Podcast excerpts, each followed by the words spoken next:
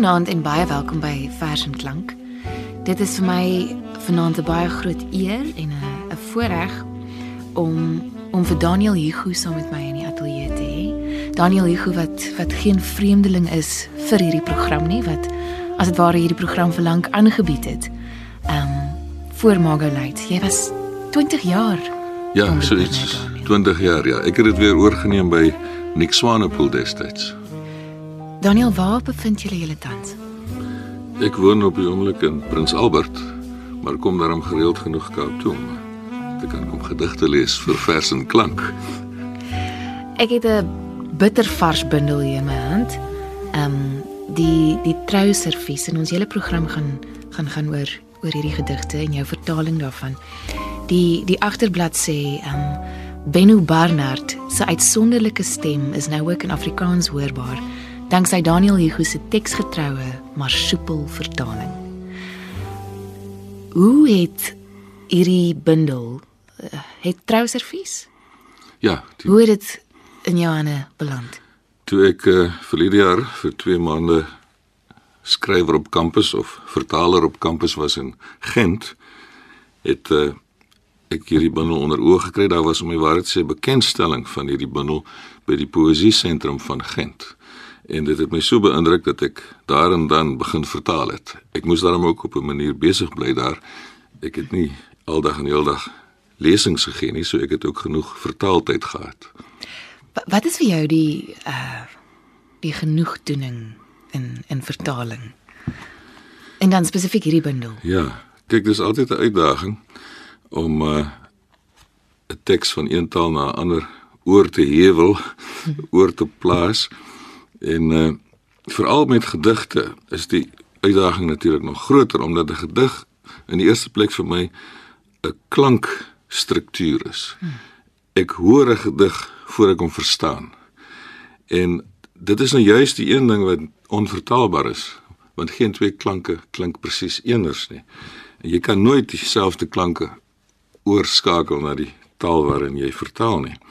En daarom moet jy dikwels werk met alternatiewe as daar sê 'n T-alliterasie is in die Nederlands is dit selde dat jy dit ook in Afrikaans net so sal regkry en dan moet jy daardie T uh, kompenseer met 'n ander soort alliterasie sê maar met 'n P alliterasie. Nee. So dis vertaling is 'n is 'n dikwels 'n kwessie van verlies en kompensasie. 'n uh, Verlies en kompensasie waaraan jy seker teen hierdie tyd baie gewoond is. Ja, dit is lekker om dit te doen, moet ek sê. Ja. Jy het al meer as 50 boeke uit Nederlands. Ja. Vertaal ja, ja, Afrikaans toe. En en bundels Daniel? Ek is nie heeltemal seker nie, seker so 'n stuk of 10 waarskynlik, ja. Hierdie bundel wat ook interessant is, uh, dit het elke keer die die die Nederlands um op die een blad en dan die die Afrikaanse ja, vertaling um ja, ja. op die volgende bladsy. Ja, dit hou jy... die dit hou die vertaler ook op sy tone want dan kan die leser vergelyk. Ja. Ek het daaraan gedink. Dis braaf. Maar net jy, net jy. Ehm um, kan ons wegval met Ja. 'n eerste gedig. Ja, ek dink uh, ons kan begin met die gedig alweer November omdat dit 'n soort autobiografiese vers is. Eintlik is dit die meeste gedigte in hierdie bundel autobiografies en dit handel dan ook in 'n groot mate oor sy huwelik en oor sy seun.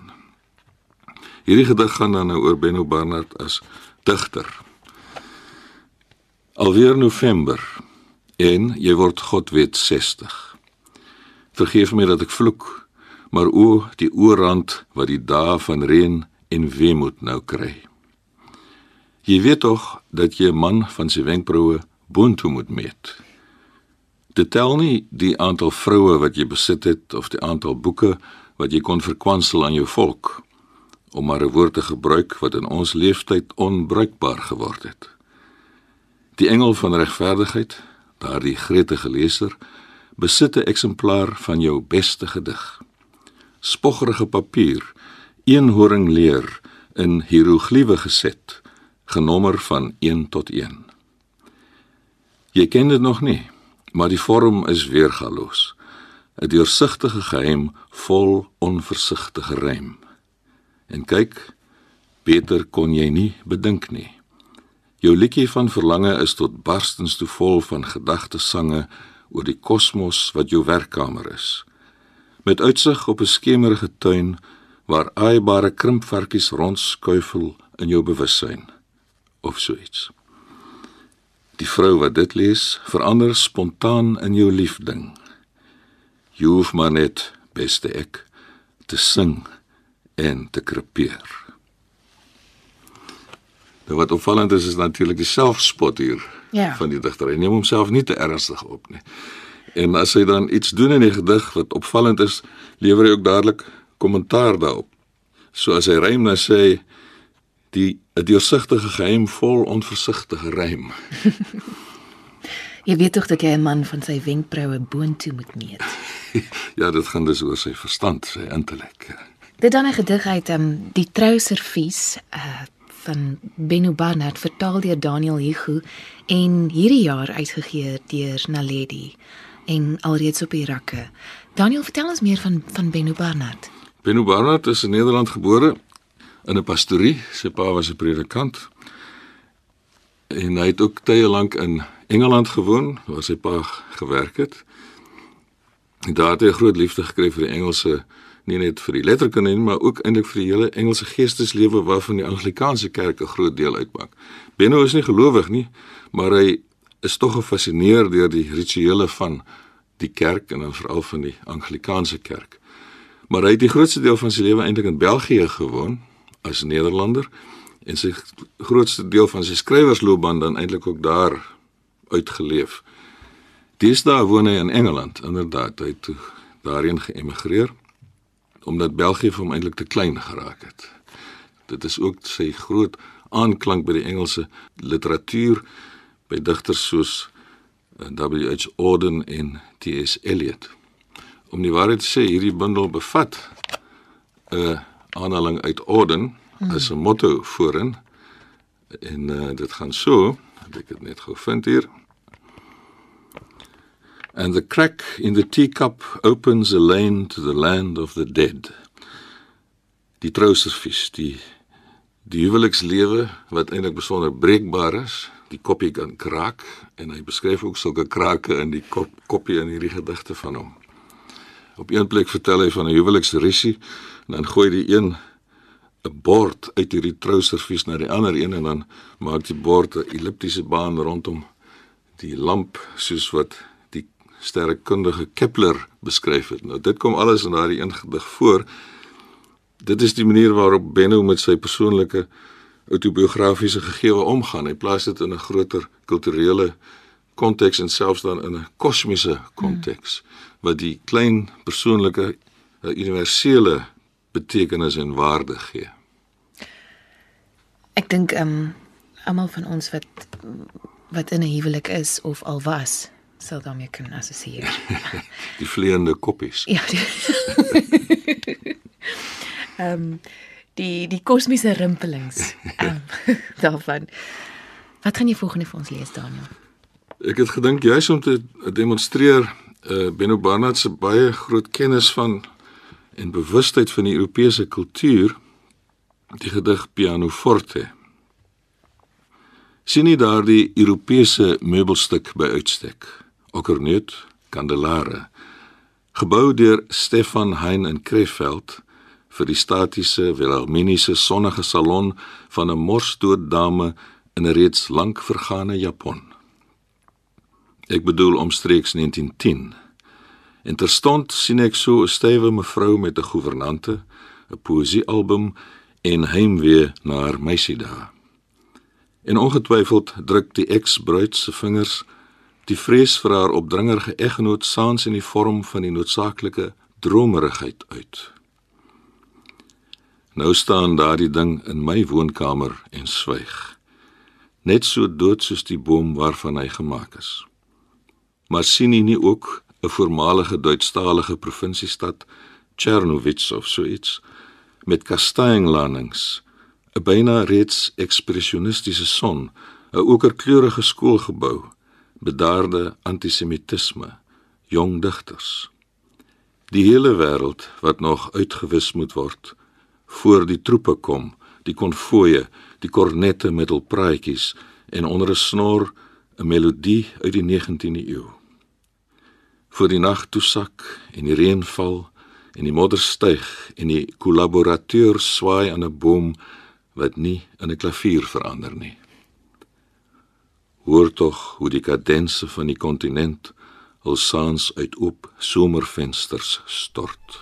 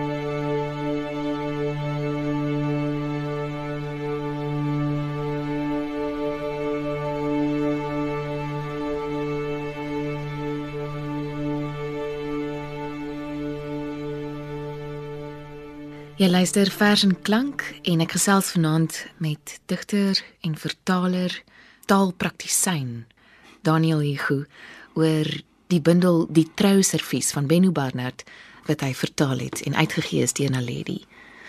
Daniel, wat is die volgende gedig wat jy vir ons uit hierdie bundel gaan voorlees? Ja, die volgende gedig is Goeie Raad en die goeie raad gee aan sy seun want daar is ook 'n lang reeks gedigte in die bundel wat handel oor sy seun se geboorte wat 18 jaar gelede was toe die bundel verskyn het.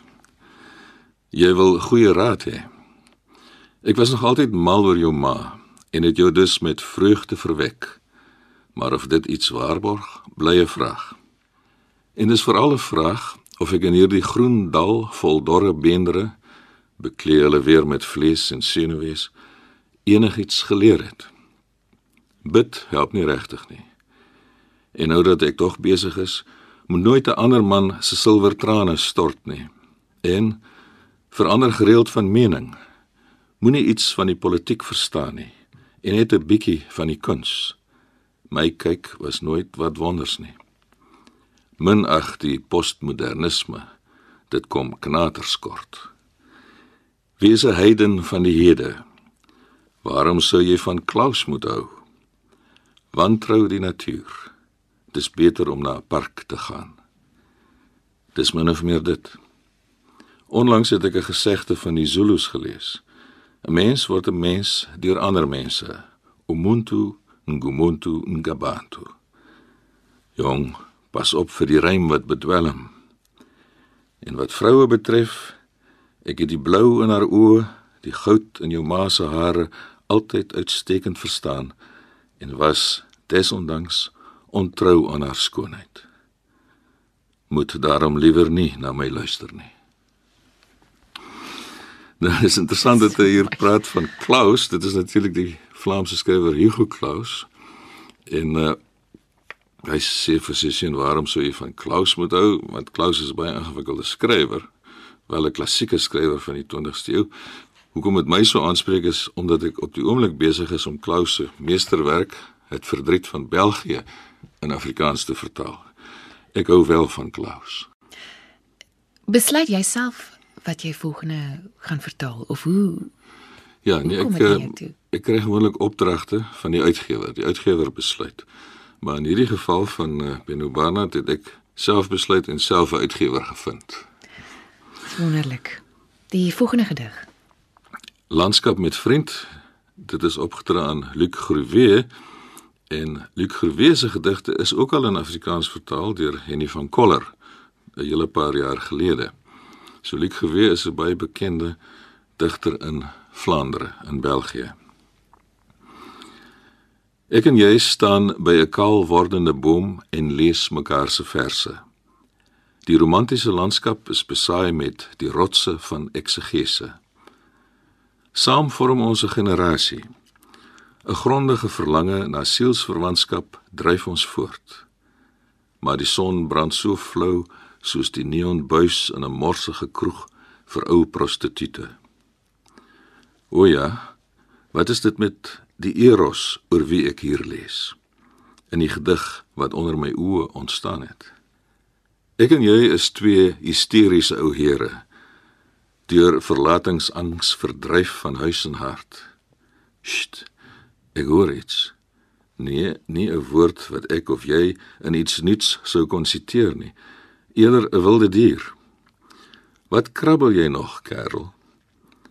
Agter ons kom die skemer aangestryk oor die land. In die verte stort die silwer rivier sy kronkelende water geluidloos in die see. Die wind ruk aan die boom. Kom ons gaan. Ek en jy is tog min of meer uitgesing. Waar is ons meisies met wie ons bedoel is om dood te gaan? Kyk hoe daardie raaf vir ons kyk. Ek en jy staan by 'n kaal boom en leef mekaar se verse. Rosig word die aandlig. Ons gaan weg, maar dit duur nog rukkie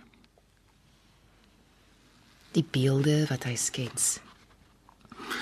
Ja, en dit is weer eens 'n soort uh, selfspot, sinisme mm. oor die belang en die rol van die digter. Ja. Ja. Waarby sy vriend Luc Gruwer dan betrek. Daniel, wat gaan jy volgende vir ons lees? Ja, die tweede helfte van hierdie bundel, die Troustervies, word beslaan deur 'n hele reeks gedigte met die titel Gebed sonder end en dit handel dan oor die geboorte van sy seun Christopher en dit is geskryf op sy 18de verjaarsdag.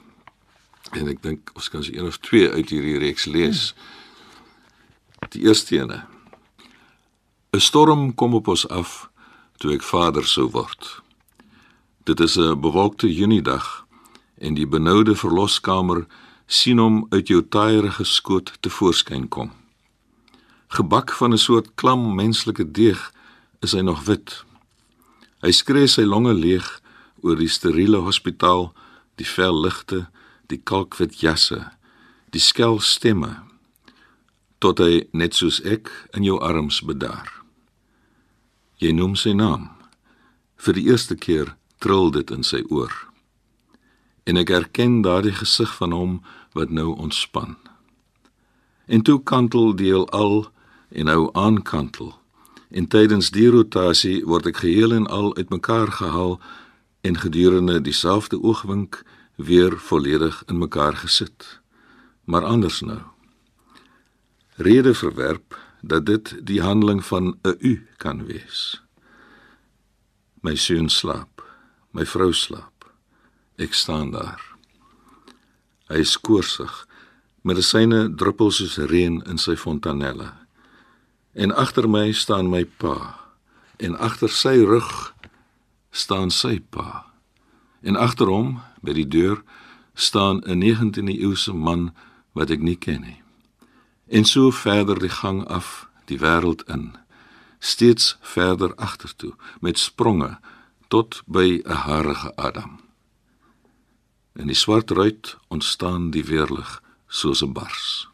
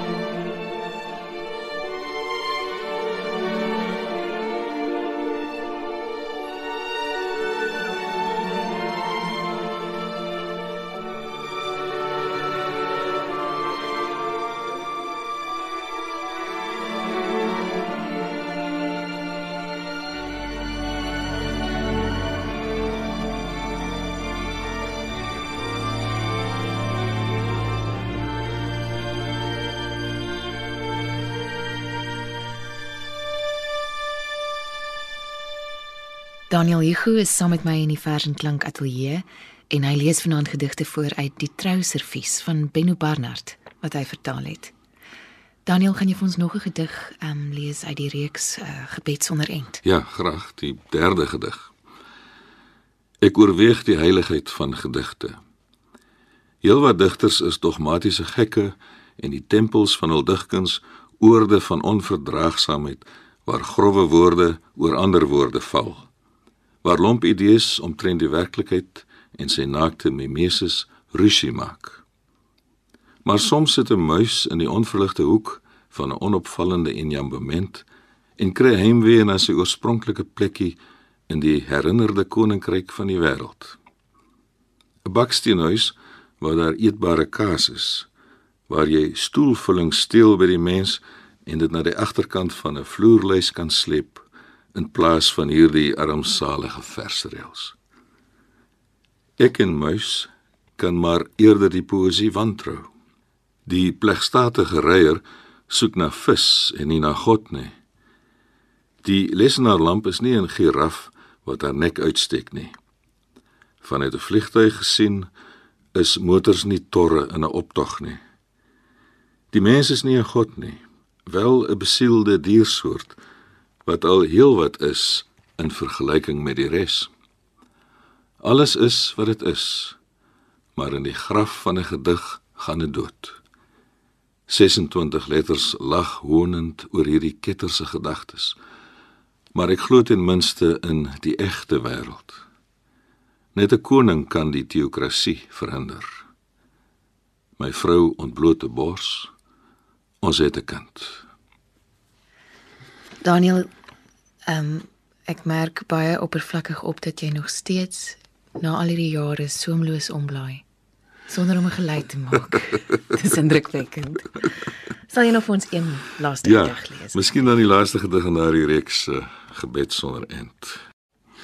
Ja, in hierdie gedig speel uh, Benno Barnard met sy seun se naam, Christopher en hy stel hom hier voor as Christopher Columbus wat Amerika ontdek het en die belang daarvan is dat Christopher se ma, Benno Barnard se vrou, is eintlik Amerikaans.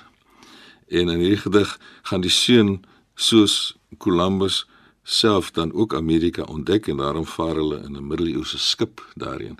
En dit is tipies van Benno Barnard, hierdie soort anakronismes want vir hom is daar geen onderskeid onderskeid tussen verlede, hede en toekoms nie. Alles bestaan eintlik gelyktydig en daarom kan hy ook hierdie reeks oor die geboorte van sy seun afsluit met die versreel wat sê daar kom 'n storm aan en ek moet nog vader word.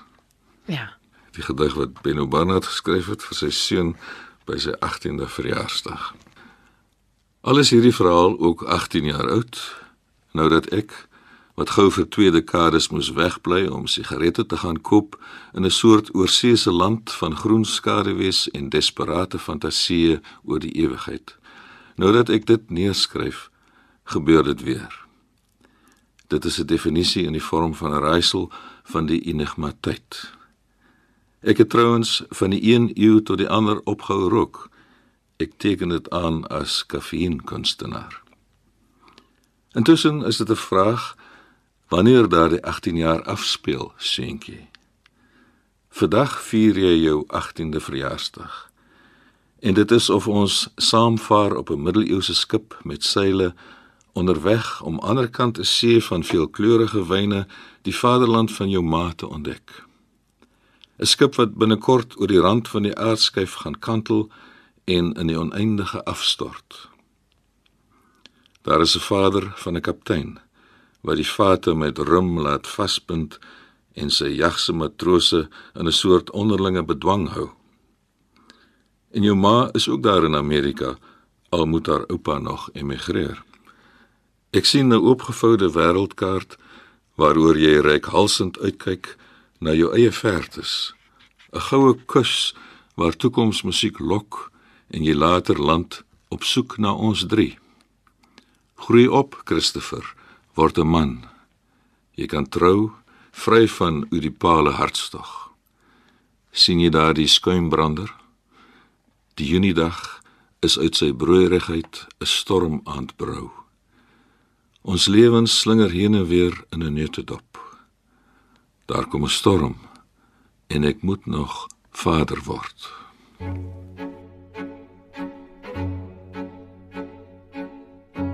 Dit dan die die laaste gedig vir die aand uit die bundel Die Trouservies uitgegee deur Naledi oorspronklik geskryf deur Benno Barnard en vertaal deur Daniel Hugo.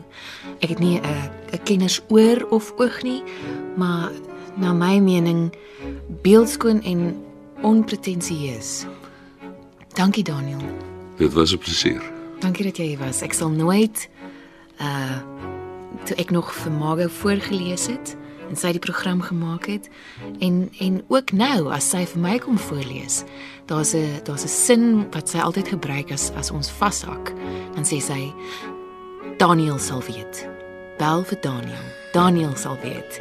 En ek wil saamstem daar's daar's min mense wat wat meer weet van die poësie as jy. Baie dankie dat jy gekom het. Baie dankie. Dankie. Van my en ons musiekregisseur Herman Stein en vanaand ook Daniel Hugo, 'n mooi aand vir u. Tot volgende keer. Totsiens.